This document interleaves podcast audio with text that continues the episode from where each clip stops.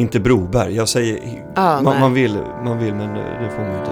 Nej. När, när du inte heter så. nej, men precis. Elin Boberg. Eh, presschef på Ja, Liberalerna. stämmer. Är du kommunikationschef också? Nej. Nej, jag är även stabschef förvisso hos Jan Björklund. Vad innebär det? Att jag även ansvarar för den lilla staben som finns runt Jan Björklund. Och eh, mycket av hans planering av liksom, eh, utåtriktad verksamhet. Och eh, ja, även politikutvecklingen vad det gäller partiledaren. Mm. Vad, vad, vad är det för stab som finns runt honom? Vad är Det, det för gäng? det är två utredare. Eh, en med mer allmänpolitiskt ansvar och en som har ett ekonomiskt politiskt ansvar. Och sen en assistent som vi delar med övriga gruppledningen. Finns det någon funktion som du skulle vilja finns som inte finns idag? I just den staben? Ja, just det. Nej, jag tycker vi eh, breddar och kompletterar varandra väl. Sen liksom, vi är ju ett väldigt litet riksdags och partikansli eh, sen valet 2014. Och vi eh, drar ju liksom nytta av alla medarbetare som finns. Så att, eh, det är ju mer en organisatorisk uppdelning. Det är Mm. inte... Du, ju- just det, välkommen till programmet måste jag Tack, säga. tack. Men du, jag, jag tänker ur arbetsgivarsynpunkt, det måste väl eh, suga lite grann att man, eh, man förlorar valet och sen måste man göra sig av med, med folk som man inte har råd att ha kvar. Eh, och sen försvinner de in i näringslivet och så kommer de inte tillbaka sen. Eller hur funkar det? Ja, lite så är det ju tyvärr. Sen är det för sig många som redan hör av sig och säger att de har abstinens från politiken och eh, liksom hör sig för om det finns möjligheter att delta och engagera sig på annat sätt. Eh, och sen hoppas vi ju vinna nästa val och då kunna locka tillbaka dem. Jag vet, jag intervjuade ju Maria Stark på, som nu har en byrå som heter Madder, men som var en strateg som på ideell basis hjälpte Feministiskt initiativ. Mm, Har ni många sådana krafter? absolut, och det är ju det som är glädjande när vi förlorar så att säga och de försvinner ut i, i ja, som du säger, näringslivet och PR-branschen, många. Mm. så har vi många vänner som vi kan ringa när vi behöver råd och stöd och liksom röster utifrån som har tagit ett nytt perspektiv på partiet och den, ja, politiken. Vilka ringer du till då när det kniper? Eh, ja, många av mina forna kollegor från regeringskansliets, den tid vi satt i regeringsställning.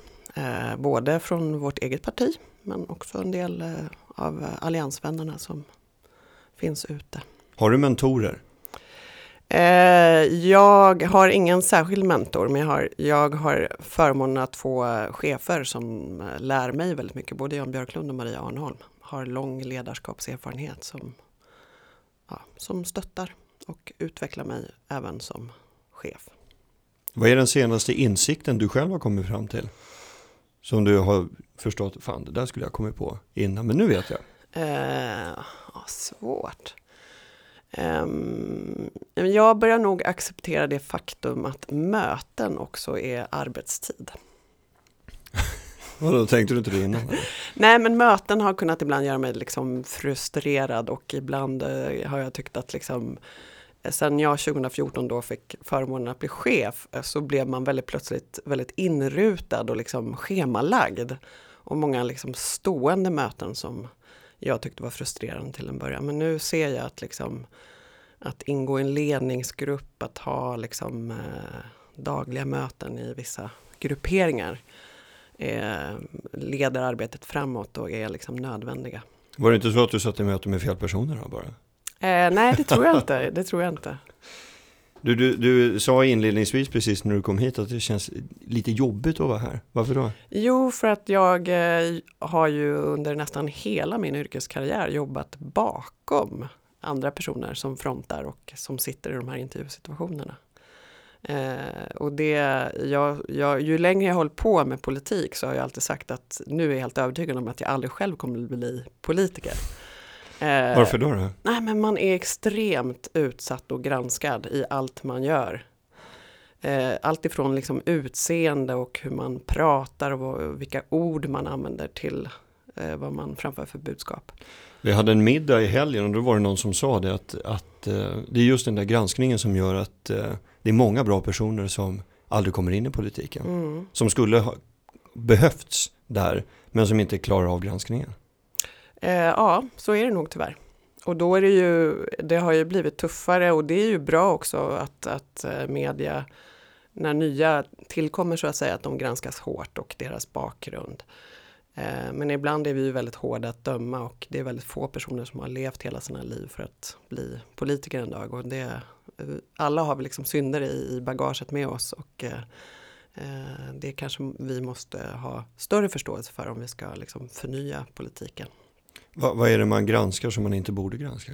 Nej, jag säger inte att man inte borde, utan det tycker jag man ska. Och jag tycker man ska erkänna också som politiker att man har ja, till exempel köpt svarta tjänster eller missbrukat narkotika eller fortkörning eller kan, vad det kan vara som vi oftast liksom, som, som framkommer. Men att ibland blir det ju ett drev, ett mediadrev på sånt och det kanske, ja, det, det ska granskas men jag kan tycka att det ibland får orimliga proportioner.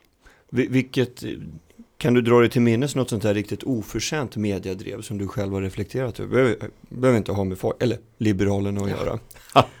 jag har sagt det hela morgonen här, folk bara, mm, Liberalerna. Ja. För det är ju så ni heter nu. Absolut. Ja, vi ska komma till det. Men, mm. men, men eh, eh, berätta där. Ja, men jag var ju med, jag var med 2006 när Alliansen bildade regering som, som pressekreterare. Eh, och eh, då var det ju en del statsråd som inte hade betalat sin tv-licens. Eh, och, och det... Kristina Steger ja, var en av dem. Ja, precis. Mm. Som hade utnämnts till kultur och idrottsminister. Ja. Eh, och utan att liksom gå in i detalj och, och, att man kanske, hur man hanterar det. Man, man, det är både liksom att erkänna att man har gjort det och sen se att man har gjort fel. Eller, det var väl det som också avkrävdes och inte riktigt gjordes mm. i det här fallet. Men att det eh, att, en, att en minister avgår på grund av tv-licens, det tror jag är väldigt svensk moralistiskt. um, jag, jag tänkte den här logotypen mm. för Liberalerna. Vår tillfälliga är väldigt viktigt. Ja, just det. Ja, jag vet. Det står det på er mm. hemsida mm. att den är mm. tillfällig. Vi börjar med själva namnet. Varför vill det inte heta Folkpartiet längre? Eh, vi tycker att det är viktigt att vi heter det vi är och Folkpartiet säger egentligen ingenting om var vi befinner oss på den politiska skalan. Eh, Folkpartiet i Kina är ett helt annat parti än vad, vad vi är i Sverige. För all del, ja. ja. Eh, så att eh, den här diskussionen är ju inte så ny utan vi, vi redan 1990 bestämde vi oss för att heta Folkpartiet Liberalerna. Men sen blir det väldigt långt att säga och skriva. Eh, så då användes inte Folkpartiet Liberalerna så ofta utan mest Folkpartiet. Och då, då har vi liksom på nytt, inte minst när vi tog avstamp efter vårt dåliga valresultat och började liksom blicka framåt på vårt förnyelsearbete. Att vi tyckte att det var viktigt med ja, att visa att vi är stolta över vår historia men också att eh, vi har ambitionen framåt. Hur kommer den nya logotypen se ut då? Den ska släppas i april. Ja, det hur, vet vi inte än för det, det, vi har utlyst en tävling. Aha. Där eh, alla får delta. Eh, och eh, om man inte kan, om man inte är duktig på att på grafisk formgivning så kan man skriva och förklara hur man vill att vår nya logga ska se ut. Hur ser förslagen ut då? Har du kunnat se någon trend i det? Nej, de, de ser olika ut. Hur vill du att den ska se ut då? Eh, omöjligt. Jag, jag, så här, jag tycker att det är viktigt att vi behåller någonting. Så att eh, blåklinten eh, tycker jag ska finnas kvar. Den, den är ju liksom som en röd tråd och det finns dessutom, jag borde kunna min liberala historia bättre. Men eh, ja, den har ju följt oss och bör finnas med även framåt. Tycker jag. Du är ju presschef och ni har ingen riktig kommunikationschef idag. Ty behövs inte det eller? Eh, så här har vi fördelat ansvaret hos oss. Vi har en biträdande partisekreterare som har ansvar även för liksom, den övergripande kommunikationen. Men vi har då inte, vi har valt att inte ha en kommunikationschef.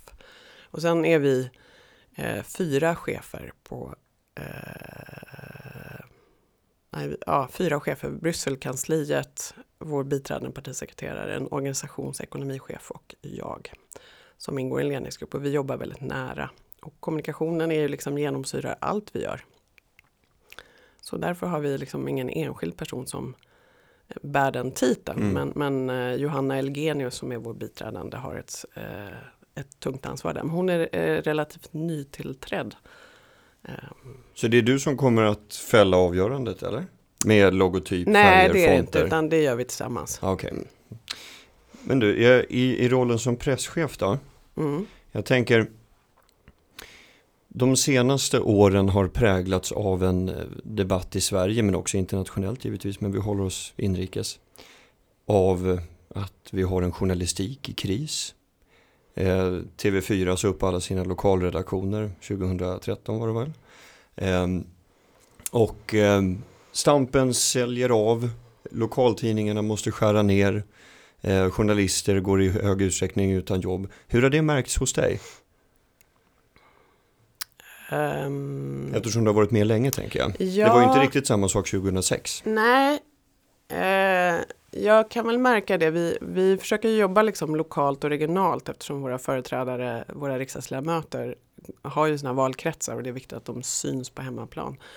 Eh, och det, det är väl så att det är, liksom, det är tuffare för det är färre reportrar som skriver. Och när de då gör saker i sina hemlän så är det svårt att liksom intressera. Det, det tycker jag har blivit tuffare. Liksom.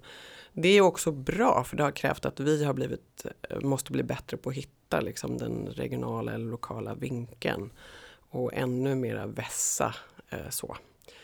Um, annars så, än så länge så får man väl säga att de politiska reporterna på riksnivå är ju fortfarande i liksom eh, det- Anställda. Ja, och de samma, precis. Det är, det är ju för och nackdelar med det, men många är ju, går ju mellan redaktionerna, liksom, mellan de olika medierna. Så att eh, många är ju, liksom jag, liksom, gamla rävar och har Mm. varit med länge och längre till och med.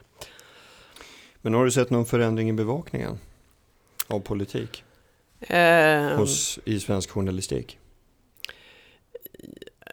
så, ja, man kan ju diskutera det ur många aspekter. Dels är det väl det här med att person, alltså personerna bakom politiken blir ju mer och mer intressant och att det är liksom... Här det sitter du till exempel. Ja, Mm. och, att, eh, och även personen bakom liksom, den politiska företrädaren, alltså inte, inte vi som jobbar för dem utan även politikerna själva, vad de, det, i, att man speglar dem med en bredd eller att man det är väl liksom ett fenomen som har, tycker jag, blev tydligt 2006 i den valrörelsen med Fredrik Reinfeldts korvgrytor och liksom mycket, ja, och det har ju fortsatt eh, när man eh, speglar de nya kvinnliga partiledarna så vill man gärna liksom ha bebisbilder och eh, Mer lifestyle. ja. Vad tror du det beror på? Eh, ja, dels att vi lever i en värld där vi intresserar oss för, för människor och människan och eh, sen är det väl lite också att eh, eh, Ibland tror jag också att det kan handla, handla om att eh, för att få ut det politiska budskapet så, så kanske man också, man, ja, man vill förstå hela människan eh, och veta vem det är som döljer sig bakom. Eh, för att förstå liksom eh, var politiken syftar eller vad personen egentligen vill.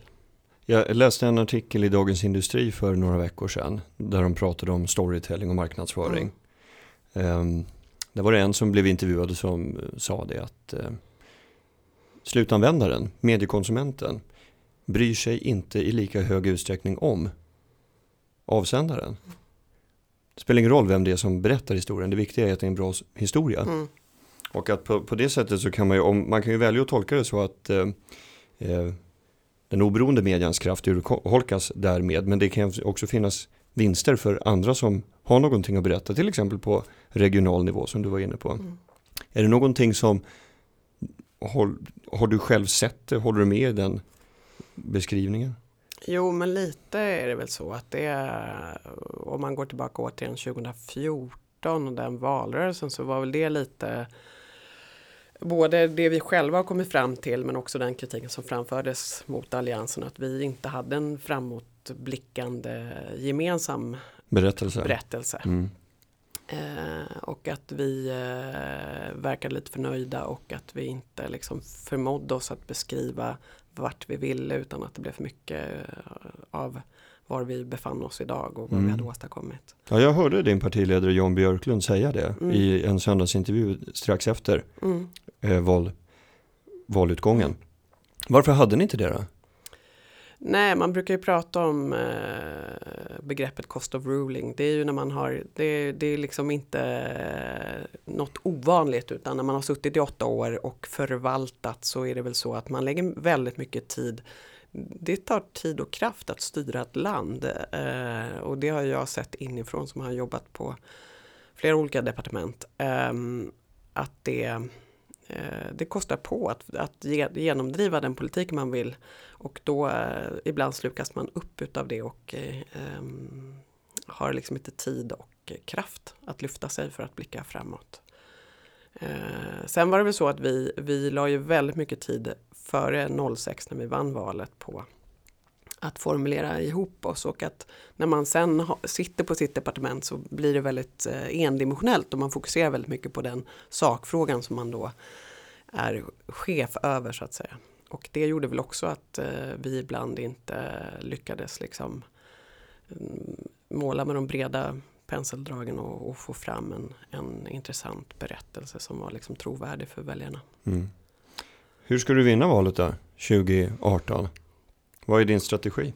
Jag tror att eh, om, om, och det är ju vår förhoppning att vi ska vinna valet tillsammans med alliansen igen, eller allianspartierna och då tror jag vi alla har en hemläxa eh, och det är den som pågår nu och det är därför det ibland ser lite spretigt ut och vi ofta nås av frågorna kommer ni kunna eh, gå ihop igen och, och liksom ta fram ett gemensamt eh, valstrategi.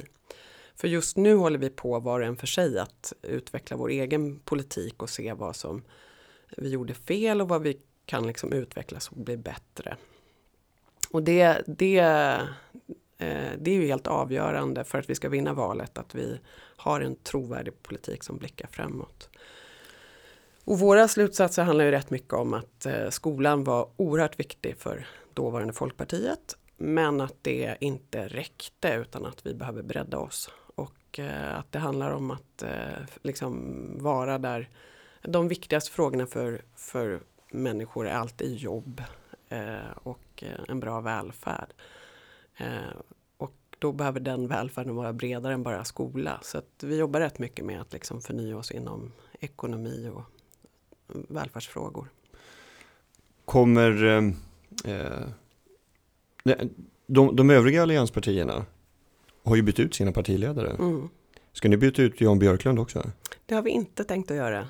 Eh, utan han har ju fått förnyat förtroende att sitta kvar som partiledare. Han är laddad och eh, känner en stor ödmjukhet över det som har varit och, och vill gärna liksom fortsätta att utveckla partiet. Jag tror att en erfaren partiledare som har varit med och drivit landet kommer bli en stark fördel för oss. Eh, du tweetade nyligen, eller retweetade ska jag säga, det var Jan Björklunds tweet från början. Men man kan ju gissa att du håller med om den. Mm. Eh, det stod eh, Feminism behövs inte bara på Södermalm, där vi sitter, Mm. utan också i, i Rinkeby, Rosengård och så ett till exempel. Mm. Biskopsgården. Mm. Biskopsgården, tack. Eh, varför skriver ni så? Jo, för att det är väl så att vi eh, ibland blir less på vänsterfeministerna som höjer rösterna vad det gäller eh, ja, de rätt självklara frågorna som jag tror att många skulle nämna om man börjar prata jämställdhet, eh, delad föräldraförsäkring etc. Men att det finns, eh, ja det går ju tillbaka till det som är hederskultur och i förorterna är det flera eh, invandrarkvinnor som har liksom höjt rösten och talat om att de känner sig väldigt begränsade att leva eh, som, som en, en eh, enskild individ med att få möjlighet att uttrycka och bete sig eh, som vilken annan person som helst på grund av att det ja, förekommer en, en slags granskande kontroll av vad man har på sig, vad man säger, hur man för sig. Eh, och där har väl vi eh, upplevt att, att den kampen är man inte så intresserad av att driva ifrån vänsterhåll. Vilka frågor är som mest känsliga idag, tycker du, att arbeta med? Eh, ja, alltså nu, jag, det, det, jag tror att hela integrationsdebatten är eh, väldigt svår för samtliga. Eh, det är ju väldigt lätt att eh, dels förvänta sig snabba lösningar på det nya samhället eh, vi delvis ser i Sverige idag. Eh, men det är ju, integration handlar ju som alltid om språk, bostad och jobb skulle jag vilja säga. Och det, där har vi ju politiskt sett olika lösningar på hur vi ska eh, uppnå det. Ehm, och det är ju egentligen inte så svårt. Men det, det, det svåra blir ju när man börjar liksom prata om kultur och vad som är svenskt och så. Och var, varför, varför tror du att det är så? Att, eh, att, man, att de frågorna är svåra att närma sig? Vi har väl inte ja, så jag tror att det går långt tillbaka och jag, min bild är väl lite att vi inte har eh, behövt prata så mycket om det. Vi har, vi har ju alltid haft en invandring till Sverige och det har kommit eh, vissa grupper har kommit till Sverige under som arbetskraftsinvandringen på 70-talet och, och sen eh, från Balkan efter Balkankriget och så. Eh, och det, eh, under den perioden så, så pratade man nog inte så mycket om det utan eh, då, då, då var det ju heller inte de här problemen med att få jobb eh, som ju är en viktig nyckel till att integreras i samhället utan många kom ju för att de just eh, för att vi behövde arbetskraften. Eh, och nu när man kommer och söker skydd Eh, och eh, kanske kommer med lägre utbildningsnivå och kommer med krigstrauman så är det en, liksom en helt ny kategori människor som ska in i det svenska samhället. Och då, vi har inte liksom riktigt vanan av att eh, eh ta emot den eh, gruppen människor som nu, nu kommer i hög utsträckning.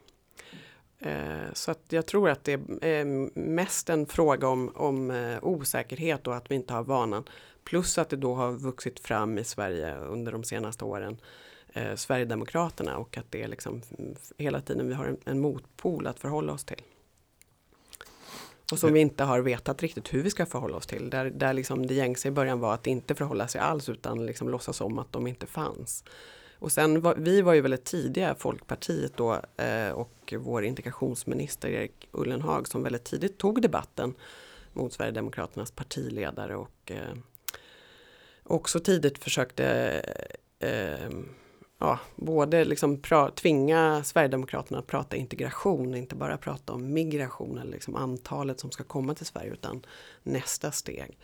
Ehm, men ehm, det är ju fortfarande så att det är väldigt många som tycker att vi helt ska isolera Sverigedemokraterna från den politiska debatten. Vad tycker du då? Jag tycker att vi ska tvinga in dem och eh, avkräva mer ansvar. Att de inte bara ska kallas in till Aktuellt studion när, när vi har liksom flyktingdebatter utan de ska även få stå till svars för trafikfrågor eller utbildningsfrågor eller jämställdhetsfrågor. Och varför då? då? Ja, för det är det enda sättet att eh, klä av dem och visa vad de har för politiska eh, ambitioner och eh, då tror jag det blir väldigt tydligt att de är extremt endimensionella. Va varför valde du eh, just Liberalerna? Eh, ja du, eh, jag har väl alltid tyckt att det ehm, det handlar om frihet för mig och att individen är liksom i centrum. Att eh, människan ska ha möjligheter till sina egna livsval. Men då man misslyckas, vilket man säkerligen kommer att göra under en livsresa, så ska det finnas ett samhälleligt skydd. Och den kombinationen har liksom känts självklar för mig i, i alla fall i, i rätt vuxen ålder. Så att men det kanske finns andra som skulle säga att ja men perfekt, Socialdemokraterna.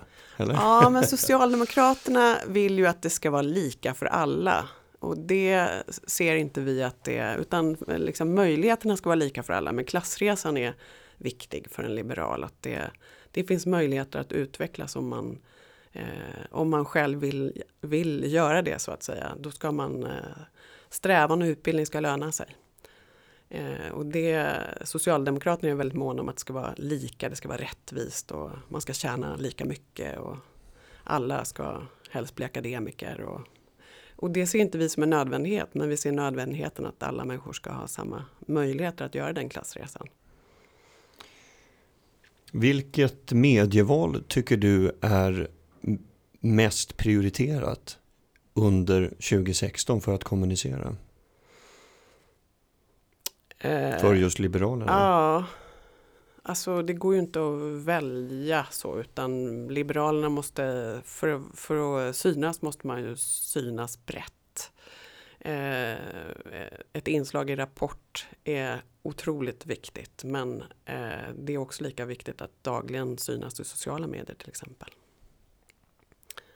Det... Är det någonting som du är nyfiken på som du skulle vilja utforska mer? Som du inte riktigt har bekantat dig med än? Eh, vi håller ju på att arbeta rätt mycket med sociala medier och våra kanaler där och försöker utveckla dem. Det, det är liksom ett strategiskt beslut som vi har tagit sedan, sedan valet 2014 och den valförlusten att vi måste bli mer synliga och har ett, eh, eh, en vilja och en ambition att utvecklas där. Elin Boberg, presschef på Liberalerna, stort tack för att du ville vara med. Tack.